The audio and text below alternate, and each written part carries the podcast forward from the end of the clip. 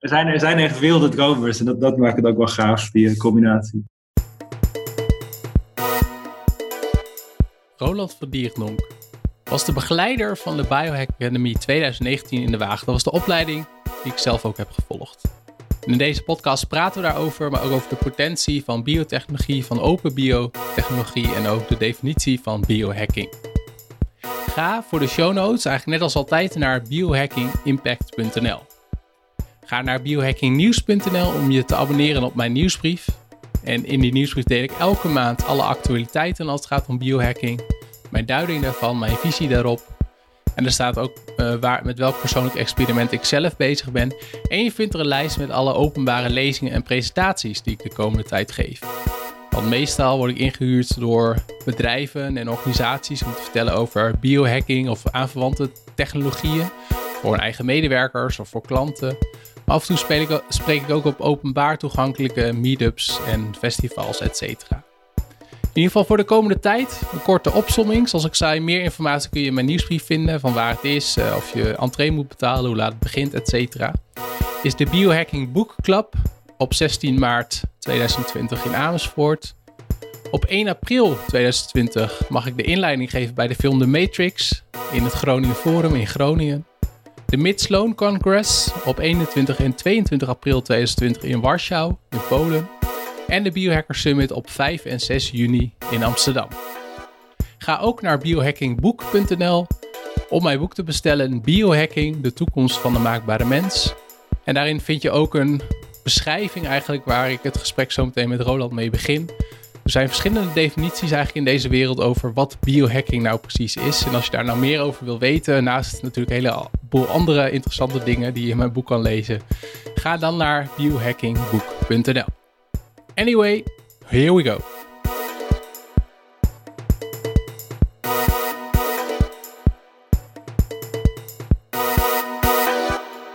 Roland, Ehm, om te beginnen, we gaan het zo meteen nog over de Biohack Academy hebben. Uh, maar ik wou graag beginnen met, uh, wat is volgens jou de definitie van, van biohacking of van biohacking?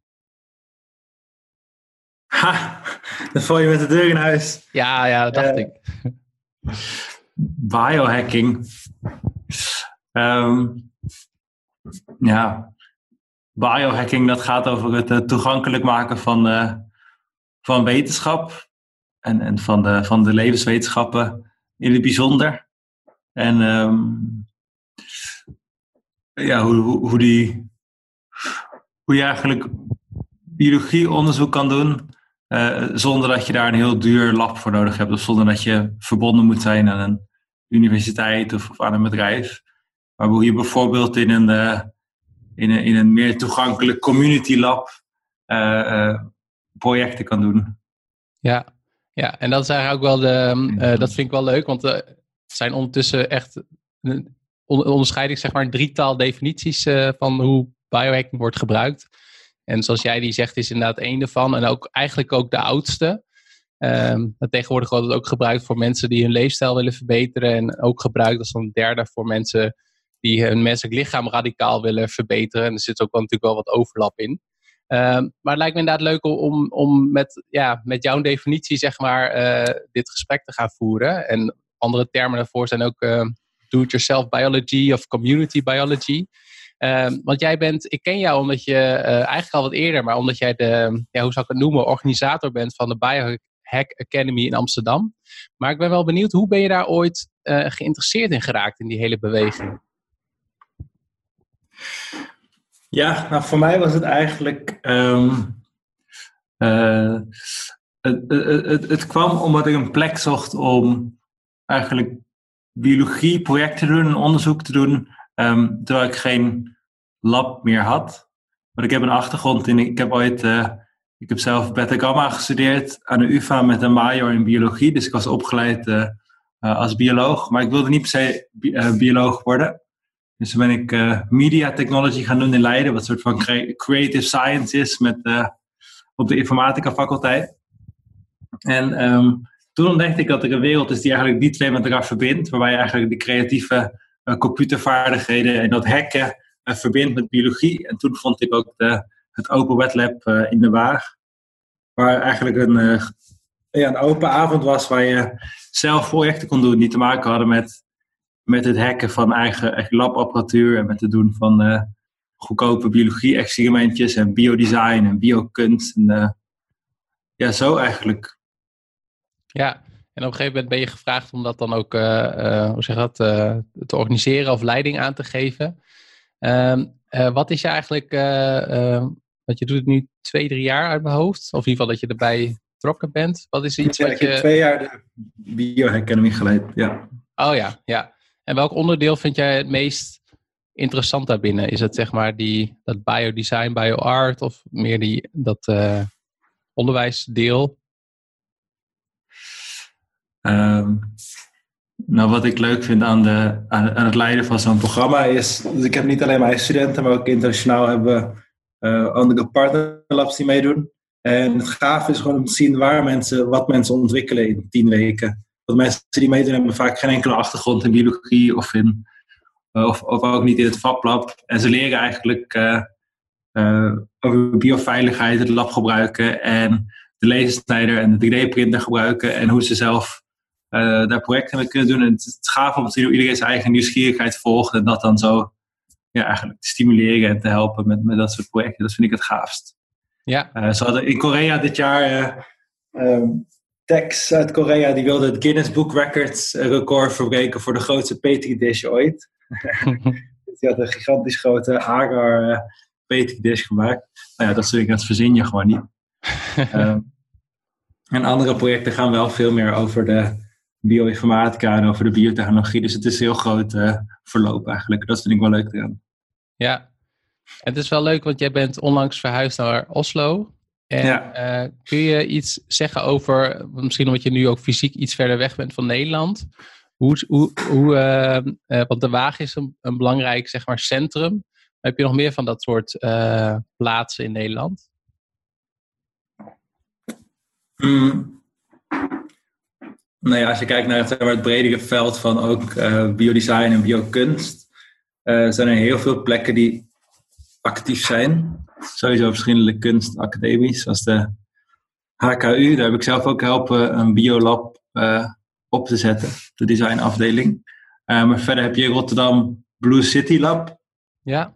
Er zitten ook heel veel duurzame ondernemers die allemaal hun, hun elkaars afvalstromen gebruiken. Dat is het idee. Maar die ik, hebben heb ook bio, ook, uh, ik heb laatst ook de, degene gesproken die daar trekker van is. Ik ben even haar naam vergeten, maar uh, ja. Ja, Nienke of Emma, denk ik dan. Emma, Emma van der Leest, ja. Ja. Um, en in Eindhoven hebben we BioArt Laboratories. Um, ik weet eigenlijk niet goed hoe om die BioArt Laboratories heten, maar die doen ook veel, um, veel met de industrie samen. Bioplastics ontwikkelen en uh, ja, wat heb je nog meer? Je hebt best wel veel. Je hebt ook heel veel individuele ja, hackers of, of, of kunstenaars of ontwerpers die allemaal dingen doen. En, en Nederland is ook niet zo groot, dus het is allemaal redelijk met elkaar verbonden. Ja, ja. Dat is wel anders hier in Noorwegen. want, want daar is het uh, groter of ik denk juist minder groot? Uh, nou ja, meer als ik dan zie van, ah, dat is leuk, dat is, dat is uh, gaaf, dat is in Trondheim, dan moet ik nog even wennen aan het idee dat het al zeven uur weg is van Oslo. Oh, op die manier, ja, ja, ja. ja. nou, ja. In Rotterdam, Amsterdam zit je zo. Ja. ja. En de, ja, maar daar is het wel iets minder groot, ja. In Nederland is het echt, uh, ja. Ja, en wat was de eerste, uh, eerste wet lab hackerspace, of hoe je het ook wil noemen, dat was toch die uh, BioCurious in, uh, in California, klopt dat? Uh, Biohackspace. Volgens mij was Janspace de eerste en BioCurious. Um, ik heb de sticker op mijn laptop zitten, BioCurious. uh, volgens mij hetzelfde jaar, allebei 2010 denk ik. Ja. Ja, vrij rap daarna uh, hebben veel meer plekken zich geopend. En nu zijn er echt honderden over de hele wereld. Dus um, ik was net op de Bio Summit. Mm -hmm. Voluit heet dat de, de Global Community uh, Global Community Bio Summit bij de MIT Media Lab. was drie dagen lang en er waren echt 600 mensen over de hele, ja, de hele wereld. Zuid, Zuid-Amerika, Azië, Afrika, Europa, Noord-Amerika. Ja. En uh, ja, ontzettend veel labs en mensen die aanwezig zijn. Ja. Dus dat is uh, extreem gegroeid. Ja. Ja, en, en, en, wat, en wat viel je op, afgezien zeg maar van uh, dat, dat, dat dat enorm aan het exploderen is qua aantal deelnemers en, en, en thematiek? Uh, nou ja, wat wel knap is aan die bijeenkomst, dat ze heel erg wel gevoel gaven dat het één, dat het ondanks de verscheidenheid ook zo van één beweging is die, uh, die steeds groter wordt. En ja. um, het ging ook over hoe, hoe dat verhaal uit te dragen. En uh, ja, en veel discussie gaat ook over synthetische biologie, wat natuurlijk een heel ander verhaal is in verschillende werelddelen, wat je daar wel of niet mee kan doen. Vanwege wetgeving um, bedoel je? Of anders? Ja, vanwege wetgeving en wat je zomaar als individu mag, uh, mag, mag, mag knutselen. Of ja, waar, ja. waar je mee bezig mag houden of, of wat voor diepe lab je nodig hebt. Ja, en verder zijn heel grote thema's nu duurzaamheid en heel veel mensen bezig met biomaterialen die afbreekbaar zijn. En, uh, dat is echt een thema wat echt eruit sprang, uit, uit, uitsprong. Ja. Uh, en wat me ook opviel is dat het ja, per ja, dat, dat, dat, uh, ja, dat het heel divers is en per plek zijn de uitdagingen weer heel anders. Um, zodat Afrikaanse labs, die moeten, als je daar wat bestelt, moet je gewoon zes weken wachten tot je, tot je bestelling binnen is, weet je wel. Dus dat de logistiek van het opzetten van de lab daar is heel anders. Uh, en ook de uitdagingen zijn heel anders. Ja, precies. Maar, maar, dat maakt het juist heel leuk om, om met mensen over de hele wereld um, ja, elkaar te ontmoeten. Ja, en wat je, je noemde al even biokunst en, en net ook in die opsomming. Wat zijn, uh, en, want je noemde de afbreekbare materialen. Wat zijn um, toepassingen van, uh, uh, ja, die, die hieruit voortvloeien of uit die synthetische biologie of uit de biotechnologie in bredere, ja, als bredere definitie? Nou, nou ja, er is van alles. Um, een bekend biohack project is het Open Insulin project. Uh, die, die, die proberen eigenlijk een uh, open source versie van uh, insuline te maken. Of mm. insuline op een andere manier te produceren. door middel van E. coli bacteriën. het kan ook alleen in Amerika denken, omdat daar de gezondheidszorg zo slecht geregeld is dat het heel duur is. Maar, maar, um, maar dat is een, een groot project. Um, die hebben binnenkort denk ik weer updates ja, die zijn er al jaren mee bezig. Heel groot internationaal project. Uh, dus dat is meer gezondheidszorg. Heel veel mensen bezig met open source hardware maken. Bijvoorbeeld het Bento Lab, die maken een uh, draagbaar lab met een PCR-machine. Kan je DNA amplificeren en met een centrifuge uh, voor DNA en met, met een gelbox ook voor DNA-analyse. Dus die maken allemaal hardware. ja, heel veel mensen met biomaterialen dus bezig. Um, met cellulose van bacteriën of met schimmels in bepaalde vormen groeien. En dat doen mensen al, al jaren. Maar wat je nu ziet is dat er uh, een soort van wel een soort versnelling in komt. Omdat zoveel mensen mee bezig zijn. Mm-hmm. Het is echt fantastisch om te zien uh, ja, wat voor toepassingen wat voor toepassingen gevonden worden en wat, wat voor materialen mensen maken. Ja. Dus dat, dat, dat zou ook wel een vlucht nemen, denk ik. En die materialen, dan moet ik denken aan uh, uh, ook, ook, bijvoorbeeld verpakkingsmaterialen die dan beter afbreekbaar zijn. Of ook, moet ik ook denken aan kleding of dat soort dingen? Ja, alles. Hm. Alles. Ja. Uh, en, en misschien je... groeien wel gebouwen straks. Ja, je weet niet. nou ja, de zaadje een goed huis uit. zeg maar, maar er zijn, er zijn echt wilde dromers en dat, dat maakt het ook wel gaaf, die combinatie. Juist, je bedoelt juist in die community zijn van dat soort wilde dromers of wilde vergezichten? Ja, ja, het wisselt heel erg van de, van de praktijk uh, en het hier en nu. En soort van ook de sociale uh, uitdagingen die we nu hebben tot, uh, tot meer een soort science fiction. En dat ja. maakt het juist gaaf. Ja, ja nee, ik, ik hoor zelf meer tot het laatste kamp. Ik vind dat wel fascinerend, ja. die science fiction ideeën. en, en waarom denk je dat dat uh, afgezien zeg maar van, kijk, je kan, want je kan natuurlijk ook het argument maken van waarom zijn er mensen in, in die, die uh, community labs mee bezig? Want dat kunnen we toch beter over, overlaten aan, uh, aan ziekenhuizen of onderzoeksinstellingen of aan grote farmaceutische bedrijven. Maar wat, wat, wat, wat is je argument daartegen? Nou ja, er zijn verschillende. Ehm, in de eerste plaats gaat het ook om nieuwsgierigheid en de mensen de mogelijkheid te geven om. Het is niet altijd hun werken, maar sommige mensen doen bijvoorbeeld uh, echt biologie of, of science uh, als hobby. Waarom zou je dat niet als hobby mogen hebben? Dat je naast je werk ook blauwe petunia's maakt, bijvoorbeeld, of DNA-onderzoek doet in je, in je hobbylab. Um, maar het andere is, wat misschien urgenter is, dat misschien farmaceutische bedrijven of zo, die hebben natuurlijk een winstoogmerk. Um, terwijl misschien zijn er oplossingen die gevonden kunnen worden uh, door mensen zelf, voor, voor mensen zelf, door mensen voor mensen, um, die anders niet hoog op de prioriteitenstapel zouden komen te liggen van dat soort bedrijven. Mm, ja. Het zijn ook andere vragen die gesteld worden of andere, ja, andere problemen waarop gefocust wordt. Ja, omdat meer bottom-up bottom-ups is. Dus meer vanuit uh, gebruikers, mensen zelf in plaats van andersom. Ja, en het gaat ook. Um, nee, iemand zei het op die summit heel mooi. Die zei: Het gaat niet alleen om de vragen die gesteld worden, maar ook om de vragen die niet worden gesteld. Als je het hmm. bijvoorbeeld over synthetische biologie hebt, dat is uh, ja, het, uh, het, aanpassen van de biologie, is bijvoorbeeld. Je kan bijvoorbeeld van bacteriën sensors maken, zodat ze reageren op bepaalde stoffen in de omgeving. Dat je dan kan, die bacteriën kan gebruiken als soort van bio, biosensor. Maar ze zei, ja, um, je, ze kunnen bijvoorbeeld, uh, je kan bijvoorbeeld een sensor ontwikkelen om te kijken of er te veel pesticiden op het land zitten of zo. Een soort van, ja, of iets te meten wat handig is voor de, voor de opbrengst. Uh, maar waarom maakt niemand een biosensor die, die, die de veiligheid van de mensen die werken op het veld waarborgt, weet je wel? Mm, ja.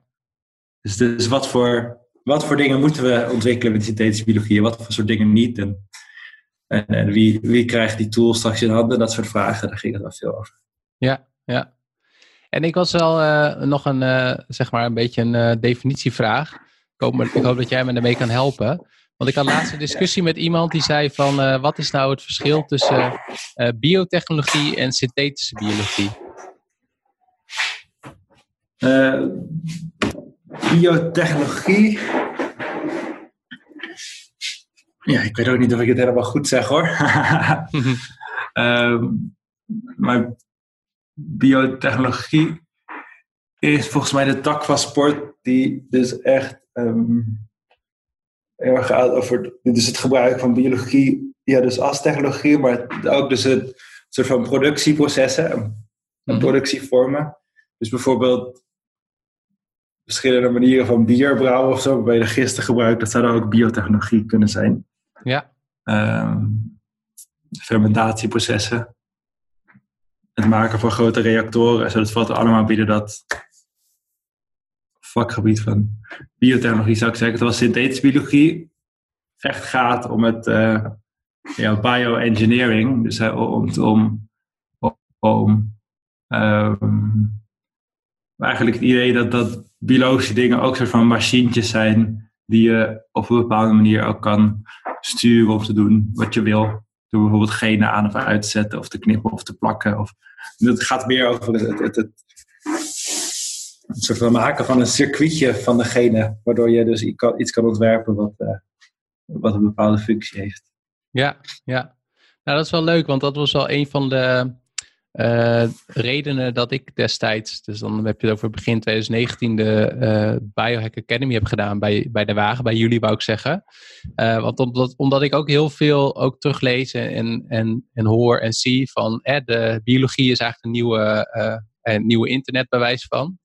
Maar wat me ook opviel is dat het in zekere mate klopt, maar wel dat het nog wel echt een paar slagen complexer is. Dus bij een computer je ziet ze 0 en een 1. En in de biologie kan het, uh, ook door andere factoren, kan het toch wel weer een 3 worden of zo. Ik noem een beetje iets geks. uh, heb jij, hoe, hoe kijk je eigenlijk naar de mediaverslaggeving rondom zeg maar, biotechnologie en synthetische biologie? Nou ja, er is natuurlijk heel veel hype. Dat klopt wel wat je zegt. En wat door zo'n metafoor, uh, of dus een vergelijking inderdaad van de biologie als computer of van ja, wat, jij, wat jij net zei, ja, lijkt natuurlijk heel makkelijk. Terwijl, terwijl biologie is best wel uh, rommelig vaak. En als het dan misgaat, dan weet je niet zo goed waar het dan aan lag dat het misging. Zeg welke, stap, welke stap het dan En zeker als je ook nog hardware bouwt, dan kan het dus aan de hardware liggen of aan de software. Of, of er is iets mis met de bacteriën waarmee je werkt. Dus ja, dus, uh, dus ja, het is best wel messy. En ook bijvoorbeeld, je zag die hele hype rond CRISPR. Mm En nog steeds natuurlijk. Uh, wat zeg maar, dus de, dat je heel goed DNA kan knippen en zo. Terwijl andere mensen zeiden van, nou ja, zo nauwkeurig is het ook weer niet. Dus de hele discussie of die hype wel uh, terecht was. En nu hebben mensen dan, uh, misschien hebben dat gezien, het nieuwe artikel over prime editing. Uh, nee, dat Gisteren het nieuws. Er was, hebben mensen weer een nieuwe manier ontwikkeld om, waarbij dus, ja, die eigenlijk veel beter is dan CRISPR waarschijnlijk, misschien. Omdat, omdat je minder snel fouten introduceert. Hmm. Dus het is best wel. Nou ja, de wetenschap gaat door, maar je ziet dat het best wel inderdaad in de media best wel gehyped wordt. Ja, ja. Uh, ja, aan de andere kant, ik las laatst ook een artikel dat CRISPR juist werd ingezet om bepaalde medicatie op de juiste plek te krijgen. Dus dat het, dus dat het ook wel weer toepassingen kan hebben die, uh, ja, die de medische gemeenschap op dat moment niet had bedacht. Maar nu inderdaad, ineens inderdaad door gewoon wetenschappelijke vooruitgang, dat het daar ook heel goed voor blijkt te werken. Dus dat, uh, ja. uh, uh, dat vind ik dan wel weer een mooi voorbeeld. En, en, ja, en wij hebben natuurlijk ook ehm, geprobeerd om met CRISPR aan de slag te gaan bij de Waag. Of Inge heeft dat kort van geprobeerd. Ja. Um, hoe hoe is, is er geld, de, want de regelgeving in Europa is, is strikter. Dus het, um, daar hebben wij ook hele discussies over gehad. Dat mag volgens mij een bepaalde stap, stap mag niet of zo? Is, is dat voor Europa of mag je, ben je naar Oslo verhuisd omdat je het daar nu allemaal wel mag doen? uh, omdat Oslo buiten de Europese Unie is, bedoel je? ik weet echt niet hoe het hier is. ah, oké. Okay. Maar dus niet de reden. Uh, het is voor mij niet, niet Europese regels, van meer van richtlijnen die elk land alweer implementeert. En um, ja, in Nederland moet je, kan je niet zomaar in elk lab een genetisch gemodificeerd organisme, dus een GMO, maken. Um, dat kan niet zomaar. De wagen heeft dan wel een soort status, het is een S1-status. Um, is een soort van, ja, ook voor scholen wordt het nu ook gebruikt. Dat je een status hebt dat je wel, ze kunnen wel bepaalde genetische modificaties doen, maar dan moeten ze speciaal daarvoor toestemming aanvragen en dan moet de biosafety officer ook aanwezig zijn. Uh, dat is een heel proces. Hm. Maar in het, we kunnen niet zomaar, uh, niet zomaar gaan crisperen of zo, nee. Nee. En uh, toen je op de Biosummit was, wat, God, werd er zeg maar anders, waren de ervaringen van andere deelnemers uit andere werelddelen daar anders in? Ja, nee, dat verschilt. In, sowieso in Amerika is dat veel losser. Hm. Dat, dat, dat, heb je middelbare schoolkits die je kan gebruiken voor experimentjes. Um,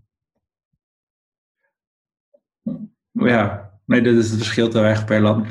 Ja, en wat mij ook opviel, omdat wij als uh, deelnemers, uh, studenten van de Biohack Academy, kregen we ook inderdaad, moesten we het zelf ook presenteren, ook aan de andere landen en, en andersom ook.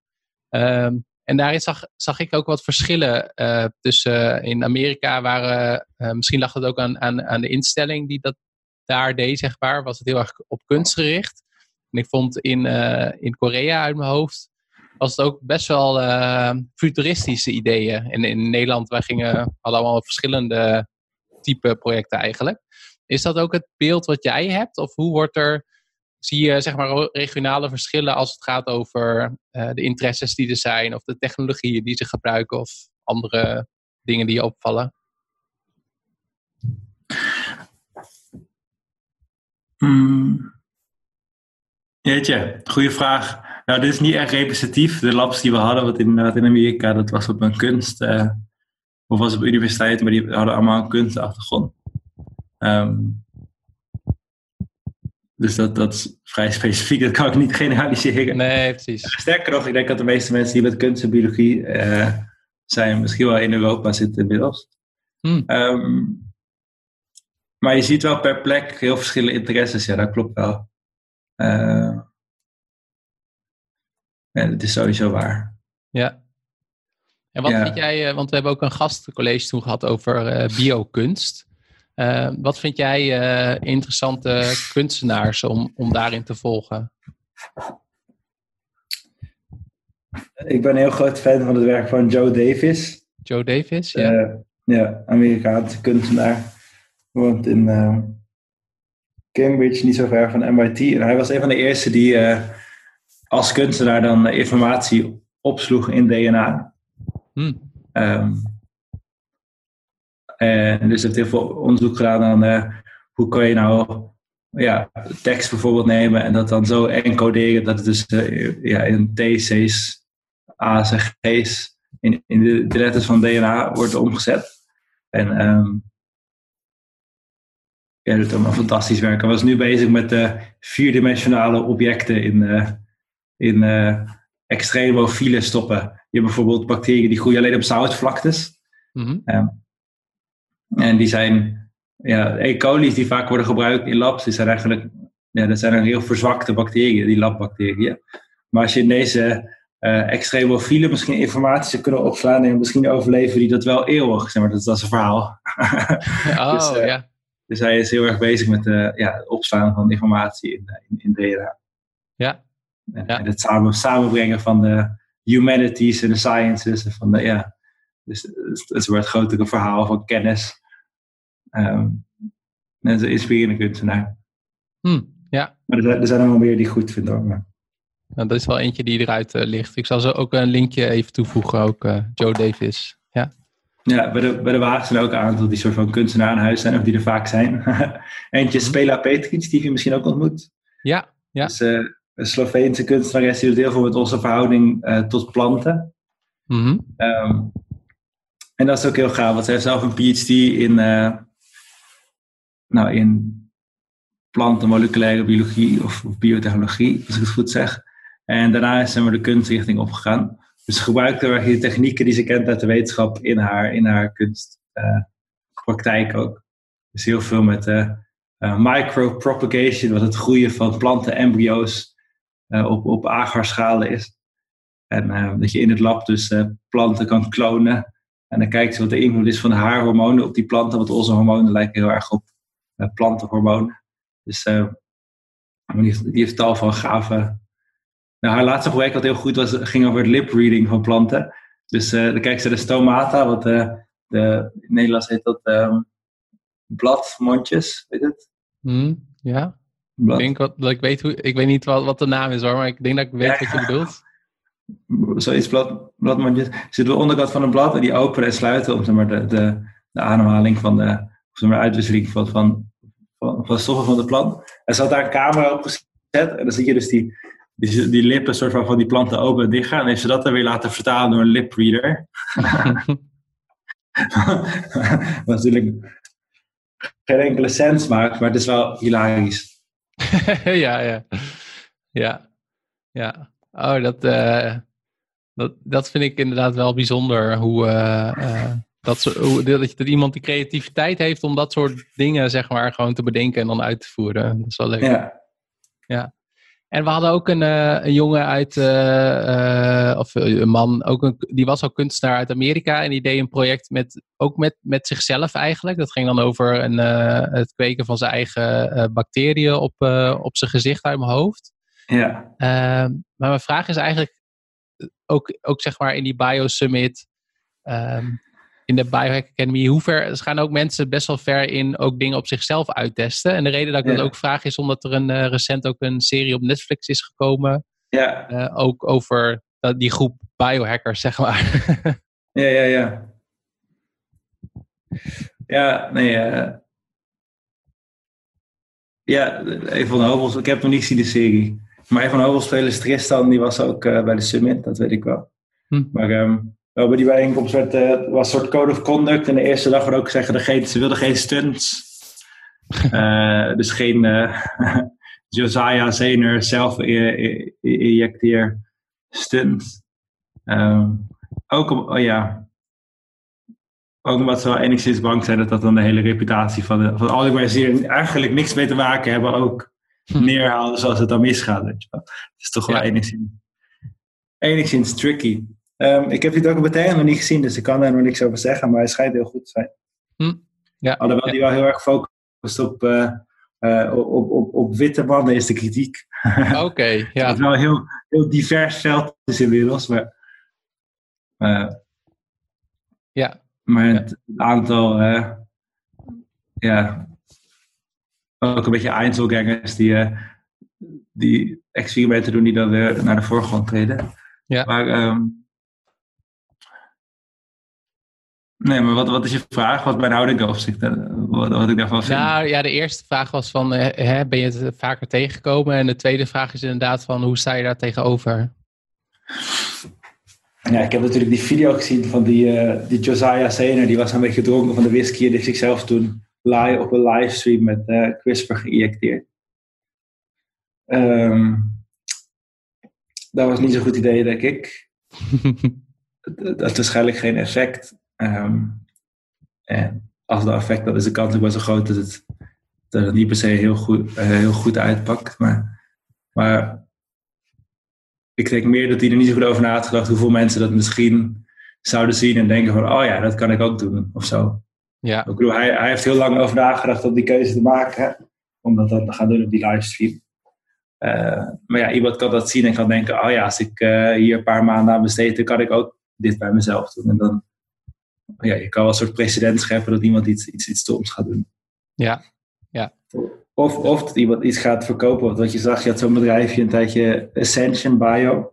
Daar gaat het ook over in die documentaire, geloof ik. Mm -hmm. um, en die, die zag dat toen, en die, die uh, de, jongen die daar CEO van was, die wou het eigenlijk heel snel commer commercialiseren. Het idee van, uh, ja, eigenlijk het idee van, um, zo voor normaal gesproken moet je op medische ontwikkelingen heel lang wachten, want dan moet natuurlijk tien jaar allemaal testen. Hij zei, nou, waarom kan het niet sneller? En maar hij, wou het, hij zag dat dus en hij wou het heel snel, uh, ja, op de markt brengen. Dat, uh, toen, toen zijn ook heel veel mensen daaruit gestapt. Ja, Aaron Treywick uh, ja. is dat inderdaad. Ja, Aaron Treywick heb ik het over. Ja. Ja, ja dus die, dat... Josiah die heeft ook later wel eens excuses aangeboden voor, voor die hele actie. Dat hij zei, ja, ja, ja ook, ook omdat mensen het na gaan doen. Ja, dus dat is wel iets wat maar, echt een beetje ver afstaat van, uh, ja, van, van de biohacking bij de Waag en de community biology en do-it-yourself biology. Nou, weet ik niet. Nee, nee het heeft wel overlap. Ik bedoel, er zijn wel mensen die ermee bezig zijn. Of die bezig zijn met zelfmodificatie of met... Uh, ja. Ik, ik ken er niet zoveel van, maar... Um, ja, het, is meer, het is meer wat bij de wagen heel erg het doel is, ook de nieuwe technologieën openbreken en, en bespreekbaar te maken. Um, maar ook de vraag stellen, ja, wie heeft eigenlijk de, de, de, de macht of wie, wie zou deze technologie mogen gebruiken of kunnen gebruiken? Hmm. En, um, en, en, dat zie je deze discussie natuurlijk wel heel erg naar voren komen. Ja. Als iemand, als iemand heel erg ziek is en denkt, uh, ik wil dit bij mezelf. Uh, ja, ik heb, ik, ja, ik heb het onderzocht en ik denk dat dit werkt. Ja, ik denk, ik denk zelf dat het niet zo goed, niet zo goed idee is in het algemeen, omdat je dus, ja, wat, wat ik al zei, omdat, je kan het wel doen, maar mm, ik bedoel zelf, zelf iets testen bij jezelf is al heel oud. Dat deden ook de eerste mensen die het lenzen onderzochten. Of die ja, gewoon heel veel medische kennis die we hebben, of een deel daarvan in ieder geval, komt ook uit zelf-experimenten. Zijn we eeuwen geleden. Um, dus, dus, dus het kan heel waardevolle um, informatie opleveren. Alleen deze cultuur van, weet ik veel, snel dingen delen op Facebook of op Twitter. Kan ik me gewoon voorstellen dat het dan hm. door de verkeerde mensen wordt gezien die het dan uh, gaan nadoen of zo. Dus het is wel heel belangrijk om. Ja, omdat je ook online is, dat denk ik snel de context verliest van, uh, van, van uh, weet ik veel, wat, wat iemand aan het doen is of hoeveel werk in heeft gezeten. Of ja, van alle dingen die je moet weten voordat je eraan begint. Ja, ja. Ja, dat kan ik wel beamen. Dat het, juist ook omdat die biologie zo messy is, dat het minder makkelijk of is dan simpel zo'n spuit in, je, in je lijf stoppen en dan, dan klaar. ja. En uh, ene laatste vraag. Um, je noemde net het, het huis wat uit een zaadje groeit. Als, wat zijn andere leuke, speculatieve, misschien ook wel dystopische ideeën en concepten die je hebt opgepikt in dit veld het laatste jaar? Oeh, laatste jaar. Ehm, ik heb iemand ontmoet die onderzocht ehm, het groeien van, het kweken van um, uh, botten en van uh, vleescellen, zeg maar mens, menselijke cellen. En of je dan bijvoorbeeld nieuwe lichaamsdelen kan maken. Maar die dacht, waarom zou je dat niet in een plant kunnen doen? Dus dat je een, een tak neemt die dan eerst helemaal als het ware leegzuigt. Dus je alleen nog de omhulsel van de cellen over hebt. En dan daarin, in dat, in dat framework, dan die cellen groeit. Of vleesplanten of zo. Vleesplanten, ja, ja, als, nieuwe, ja, als je een, een nieuwe, een nieuw been nodig hebt of zo. um, dat is een creatief idee. Um, nee, iets wat niet speculatief was, maar wat ik heel belangrijk onderwerp vond, was iemand in India die had uh, onderzoek. India, dacht ik, begint een beetje door elkaar te halen, al die mensen die op die summit waren. Maar die onderzochten, uh, een heel groot probleem is nu, uh, er zijn heel veel mijnen op de wereld en die uh, vervuilen heel erg, maar metaalvervuiling. Zij proberen dan met synthetische biologie, biologie dus bacteriën of gistcellen, weet ik niet meer, te groeien die dan een deel van die vervuiling konden omzetten in iets anders, of een deel konden afbreken. En daar een grote bioreactor van te maken, waardoor dan ja, waardoor je dus een deel van de vervuiling dan uh, ter plekke kon afbreken. Dat was een heel gaaf project. En um, wat verder nog? Ja, nog iets speculatief. Met een kunstenares Charlotte Jarvis. Charlotte Jarvis. Um, een Britse biokunstenares. En die is bezig met vrouwelijk sperma maken. Oh ja, oké. en dat is zeg maar, haar jarenlange onderzoeksproject om uh, ja, vrouwelijk sperma te maken. nou, dat is wel uh, in ieder geval uh, genoeg food for thought, zeg maar. Alle drie, alle, alle voorbeelden wel. Ik vind ook die van, van die mijnen wel tof, omdat het wel direct impact heeft op, op kan hebben, hè, als het allemaal ja. gaat en werkt. Ja ja. En uh, als mensen die luisteren nou zoiets hebben van... hé, hey, de, de Biohack Academy, dat is misschien interessant voor mij... of ik wil meer weten over Roland van Dierendonk... wat hij uh, wat nu allemaal uitspookt. En waar kunnen mensen meer informatie daarover vinden? Uh, goeie vraag. Biohack Academy kunnen ze vinden op de site van de Waag. Dat is waag.org. Ehm, en mij kunnen ze vinden op... Google op mijn naam of, uh, of rolandvandierendonk.com. Of uh, ik ben op Instagram ook wel actief. Ja. ja. Nou, hartstikke leuk. Ik zet die uh, links ook bij de, bij de show notes. En uh, dankjewel voor dit gesprek, Roland.